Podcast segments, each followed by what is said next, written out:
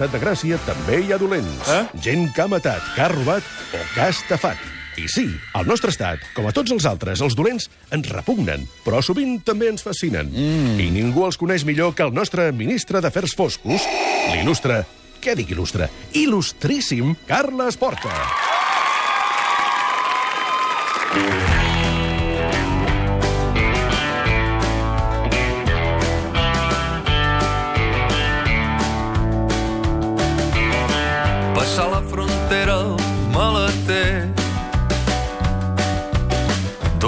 Mercedes verd i atrotinat. Històries de mitja tarda amb el Carles Porta. Bona tarda, Carles. Cada dia estic més content del Calavera del Roger Mas. doncs que soni una mica més, va. la El Calavera. La tercera pensant el camí fet. La setmana passada vam encetar el crim de Sant Ruf en el capítol 1 i ara, com toca, fem el capítol 2, que és conclusiu, eh? Avui sí, avui sí. Avui concloem aquest cas amb el Carles Porta. Si us sembla, fem una mica de resum.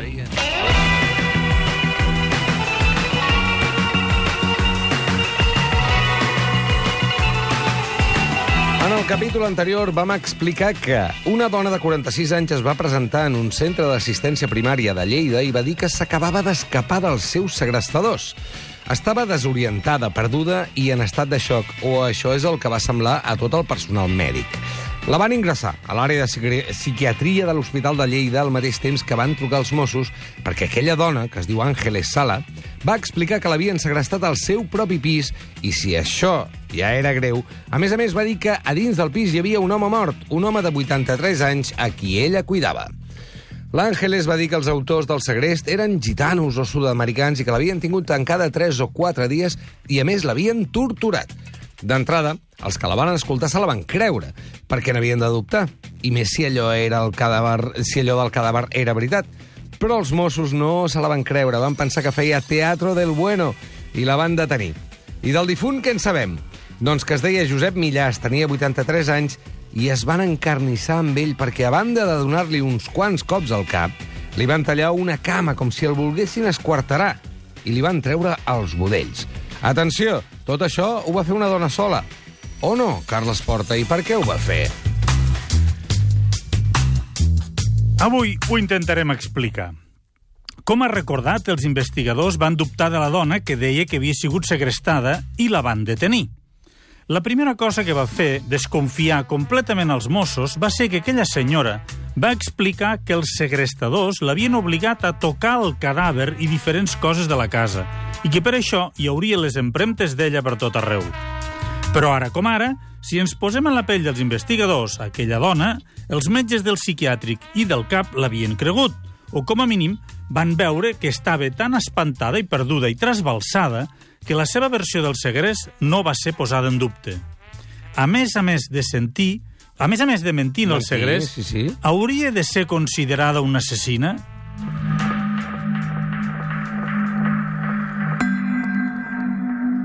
L'equip d'investigadors de l'àrea territorial de Lleida es van proposar confirmar o desmuntar la coartada de la dona.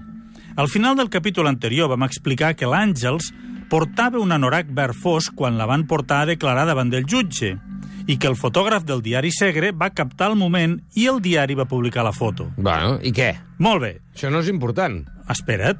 Ah? Resulta que el pis del carrer Sant Ruf on va passar tot no és lluny del riu Segre. Sí. I el centre d'assistència primària de la Rambla Ferran de Lleida és molt a prop del riu Segre. I també resulta que el tram de riu que passa per la ciutat de Lleida és bonic i fotogènic.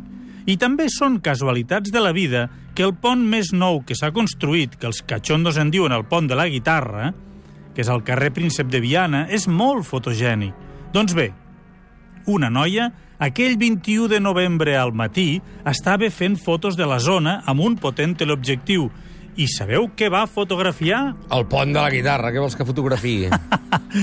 Va veure una dona que amagava una maleta entre la vegetació, a Què dius? sota del pont. No. Li va cridar l'atenció i li va fer fotos. I de moment ho va deixar aquí. Hem de recordar que l'Àngels, l'Àngeles, havia declarat que va anar directe del pis on estava segrestada al centre d'assistència primària. Però la que estava al riu era ella?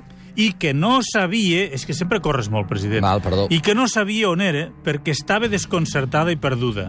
Doncs el dia que el diari Segre va publicar la foto de la dona passant a disposició judicial, Sí. la noia fotògrafa va veure la imatge al diari i es va fixar en l'anorac verd fosc de la senyora i va dir «Ep, jo aquesta dona la tinc vista». No. Va anar corrents a mirar les fotos i va veure que era la mateixa que ella havia retratat amagant una maleta a sota del pont de la guitarra del riu Segre. Però què és tanta casualitat? I ho va explicar als Mossos d'Esquadra.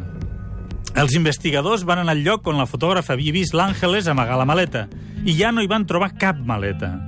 La veritat és que es tracta d'una zona bastant concorreguda. Per allí passa molta gent passejant o corrent i molts indigents. Una maleta que es veu que era bastant grossa devia ser llaminera. Però què hi havia dins de la maleta? No ho sabem. En tot cas, és molta casualitat que aquella dona estigués fent fotografies i reconeix a la mateixa persona amb el mateix anorac que va veure en el diari. Hi ha moltes casualitats que o bé fan que resolgui crims o bé provoquen grans desastres. Clar. I en aquest cas, què? Els Ja Mossos... Bueno, en aquest cas, els Mossos van preguntar als forenses clar, què podia haver-hi dins de la maleta? Lo primer que et ve al cap, Parts del cos. per exemple. Doncs els Mossos van preguntar als forenses si faltava alguna part del cos del difunt I què? i no en faltava cap. Vaja. A més, a pesar de l'estat de descomposició en què estava el cadàver, van recomposar i recol·locar totes les parts del cos, incloses les vísceres, i els forenses van comprovar, i perdoneu per l'expressió, però és una expressió seva, van comprovar, deia, que al cos no hi faltava ni un pam de budell. O sigui, que no sabem què hi havia la maleta, però sí que es va poder enganxar la senyora Àngeles amb Clar. una mentida. Clar, perquè ella diu que havia sortit del pis i havia anat directe al centre. Exactament. Ella jurava que havia anat directe de la casa al centre sanitari, però una testimoni l'havia captat amagant una maleta al riu Buf. i es ve clarament a les fotos. A més a més, era ben bé un quart d'hora abans d'anar al centre sanitari. Uh -huh. Mm, clar, si la intenció dels Mossos era desmuntar la coartada d'aquella senyora, començaven amb un element molt important. Clar, però falta un altre element, que és que ella va dir que uns gitanos o uns sud-americans l'havien segrestat. A més a més, no es va trobar cap testimoni que hagués vist cap gitano ni cap sud-americà als voltants del pis. Però sí, en canvi, es va trobar una veïna que va dir que havia vist l'Àngeles baixant a llençar les escombraries. Perdona. Vosaltres heu vist algun segrestat a qui deixin baixar a llençar les escombraries i torni a pujar al pis? No, en general no. Fins aquí tindríem un parell d'evidències clares que això del segrest i la desorientació podia ser un invent, una excusa. Però va ser ella qui va matar el senyor Millàs i per què?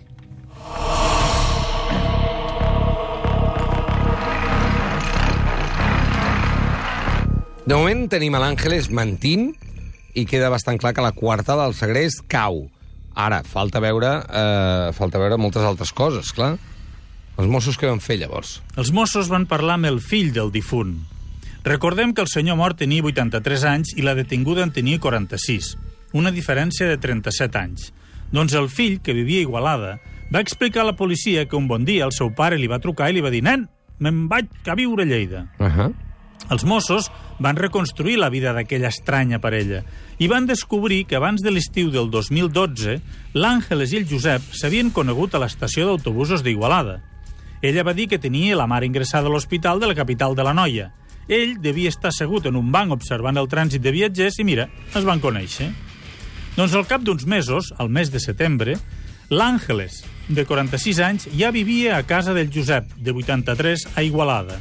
Però, coses de la vida, aquell mateix setembre, l'Àngeles va llogar el pis del carrer Sant Ruf de Lleida i va començar a fer obres. Això van corroborar l'agent immobiliari i els paletes que van fer les obres. O sigui, que vivia a Igualada amb el Josep, però s'estava arreglant un pis a Lleida. Exactament. Els paletes que feien les obres sempre van veure el pis buit. A l'octubre també es va fer alguna reparació al pis i aquell octubre es produeix una conversa entre amigues que pot ser indicativa d'unes quantes coses. Aviam. L'Àngeles li diu per telèfon a la seva exparella, que es diu Susana, que està vivint amb un home gran que li ha promès que li deixarà la meitat de l'herència. Pam! Ja ho tenim. L'herència és el mòbil. Podria ser, però un moment. Si l'home li ha dit que li deixarà l'herència, el millor és anar al notari, que ho firmi, no? Clar, perquè de paraula no serveix. Clar, i si el mates abans, Malament. i a més a més, si no ha fet testament, no cobraràs res si només fa tres mesos que ets la seva parella. Clar. Ara ja hem vist que la senyora Àngeles, a més de ser una gran actriu, com a mínim en el paper de secrestada i desorientada, eh? A més a més de ser aquesta actriu del Teatro del Bueno, xerre molt, Massa. com el Mourinho. Sí, sí, exacte. Igual. Però el Mourinho no ha matat a ningú, eh? no fotem. Mireu si li agrada xerrar que a finals d'octubre d'aquell any 2012, Sí. una filla seua va anar a passar uns dies al pis d'Igualada on vivien l'Àngeles i el Josep. I segons va explicar la filla, sa mare li va dir que tenia plans de matar aquell home i desfer-se del cadàver. Però què dius? Però qui s'ha de creure una afirmació així? Pots imaginar-te que ta mare està enfadada i està desbarrant, però no t'imagines pas que ho acabarà fent. Només faltaria. I la filla no va dir res a ningú. I entrem al mes de novembre. El dissabte 3 de novembre del 2012, el Josep Millàs es trasllada a viure a Lleida al pis del carrer Sant Ruf.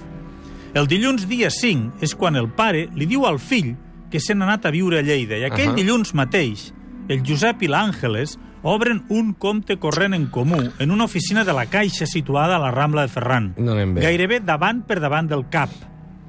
Estem al dia 5 de novembre, eh? Sí, sí, sí, sí, sí. A les imatges captades per la càmera de seguretat del banc, es veu com ella li aguanta la porta al Josep, que camina amb crosses, i li obre la porta per entrar i li torna a obrir per sortir. Aquella mateixa setmana, els dies 6, 7 i 8, la filla de l'Àngeles s'està al pis del carrer Sant Ruf amb la seva mare i amb el senyor de 83 anys. I la mare li diu a la filla lo duro que és matar al viejo este. Un altre cop. I li torna a explicar que el vol matar i de fer-se del cadàver. Mare meva, i la filla no fa res, no diu res? Saps què va fer? Què va fer? va marxar de casa pensant segurament a mi que no em compliquin la vida. I després, quan va haver el judici, la mare, la filla, va anar a declarar con la, contra la mare. Però això ja va ser el judici. No marxem lluny. El senyor Millàs encara és viu, però han anat ja al notari? Clar. Li ha donat ja l'herència? De moment només han obert un compte tots dos. Exacte. Doncs no, encara no han anat al notari. El Josep es nega a anar al notari i no acaba d'estar a gust amb aquella dona perquè el divendres d'aquella mateixa setmana, és a dir, encara no fa ni una setmana que viuen a Lleida, Sí. el Josep truca al seu fill a Igualada i li demana que el vingui a buscar a Lleida i que porti un vehicle gran que es torni a mudar a Igualada. Oi. Però una estoneta més tard, el pare, de 83 anys, torna a trucar al fill i li diu que no cal que el vagi a buscar. I li diu textualment, aquesta noia no vol que marxi. I es posa al telèfon una dona que diu que es diu Àngeles i li explica al fill que està cuidant el seu pare. I tots tranquils. Quina llàstima, eh, aquí. Però el 14 de setembre, el pare torna a trucar al fill i li diu que el vagi a buscar immediatament. Però no hi va. Devia passar allò del conte del Pere i el Llop, vés a saber. El cas és que tres dies després, el 17, l'Àngeles deixa un missatge al telèfon del fill i saps què li diu? Què li, què li diu? Li diu que el seu pare se l'han endut uns colombians. Mare de Déu, senyor. Mare de Déu. I no va denunciar? Aquí és on la vida es converteix en molt complicada. I tant que ho va voler denunciar.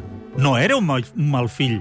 Aquell bon home Sí. volia cuidar del seu pare, però tant com el seu pare es deixés. Què va fer el fill? El fill del senyor Millàs va anar als Mossos Sí. i ho va voler denunciar. I què va passar? I saps què li van dir? Què? Que havia d'esperar tres dies a denunciar la desaparició del seu pare. Val. L'endemà era diumenge. Clar, de fet, pensa que el fill només tenia una trucada amb un contestador Sí, sí, sí, sí. sí. i, i no tenia cap evidència. I perquè ton pare no t'agafi les trucades o el que sigui, doncs tampoc eh, és, és motiu. I tampoc hi havia res que ho evidenciés. Què t'havies de pensar? No, no, clar, clar, no t'imagines per res el que acaba passant. Vist avui, les coses són diferents. L'endemà era diumenge i l'Àngeles es va trobar amb una veïna del replà, la senyora Luisa.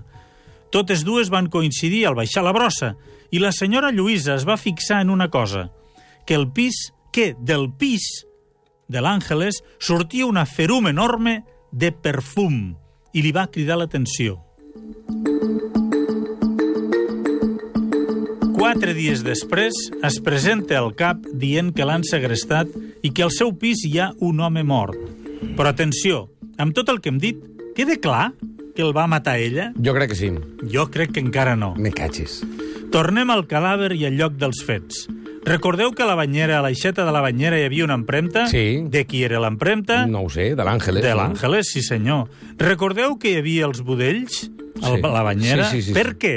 No ho sé. La tesi dels investigadors és que en voler desfer-se del cos el va voler buidar perquè no pesés tant. Ah. Els forenses també van dir que els cops al cap devien ser la causa de la mort. L'home estava estès a terra al costat del llit i també van veure que els talls que tenia a les extremitats podien correspondre perfectament amb un intent d'esquarterament, però molt maldestre, perquè amb un ganivet molt gran es van fer talls a la carn, però quan es, tapava, quan es topava amb l'os Sí. no podia tallar-lo i només se li va ocórrer dislocar un genoll per arrencar la cama. Uf. Al costat del cos van trobar una capsa amb uns guants de làtex. Qui tingui bona memòria ho recordarà. Quan van fer les proves d'ADN van trobar que a la part de fora hi havia ADN del difunt i a la part de dins hi havia ADN de l'acusada. Què va passar? Doncs sembla que aquell bon home es va negar reiteradament a anar al notari a donar-li l'herència a aquella jove que el cuidava. Tampoc no li va voler posar el pis a nom seu, i ella potser es va emprenyar i Clar. li va donar cops al cap. Clar. Podríem haver pensat que accidentalment, si no hi hagués tota la història que hem explicat. I els fiscals i jutges van pensar que tot era un pla premeditat.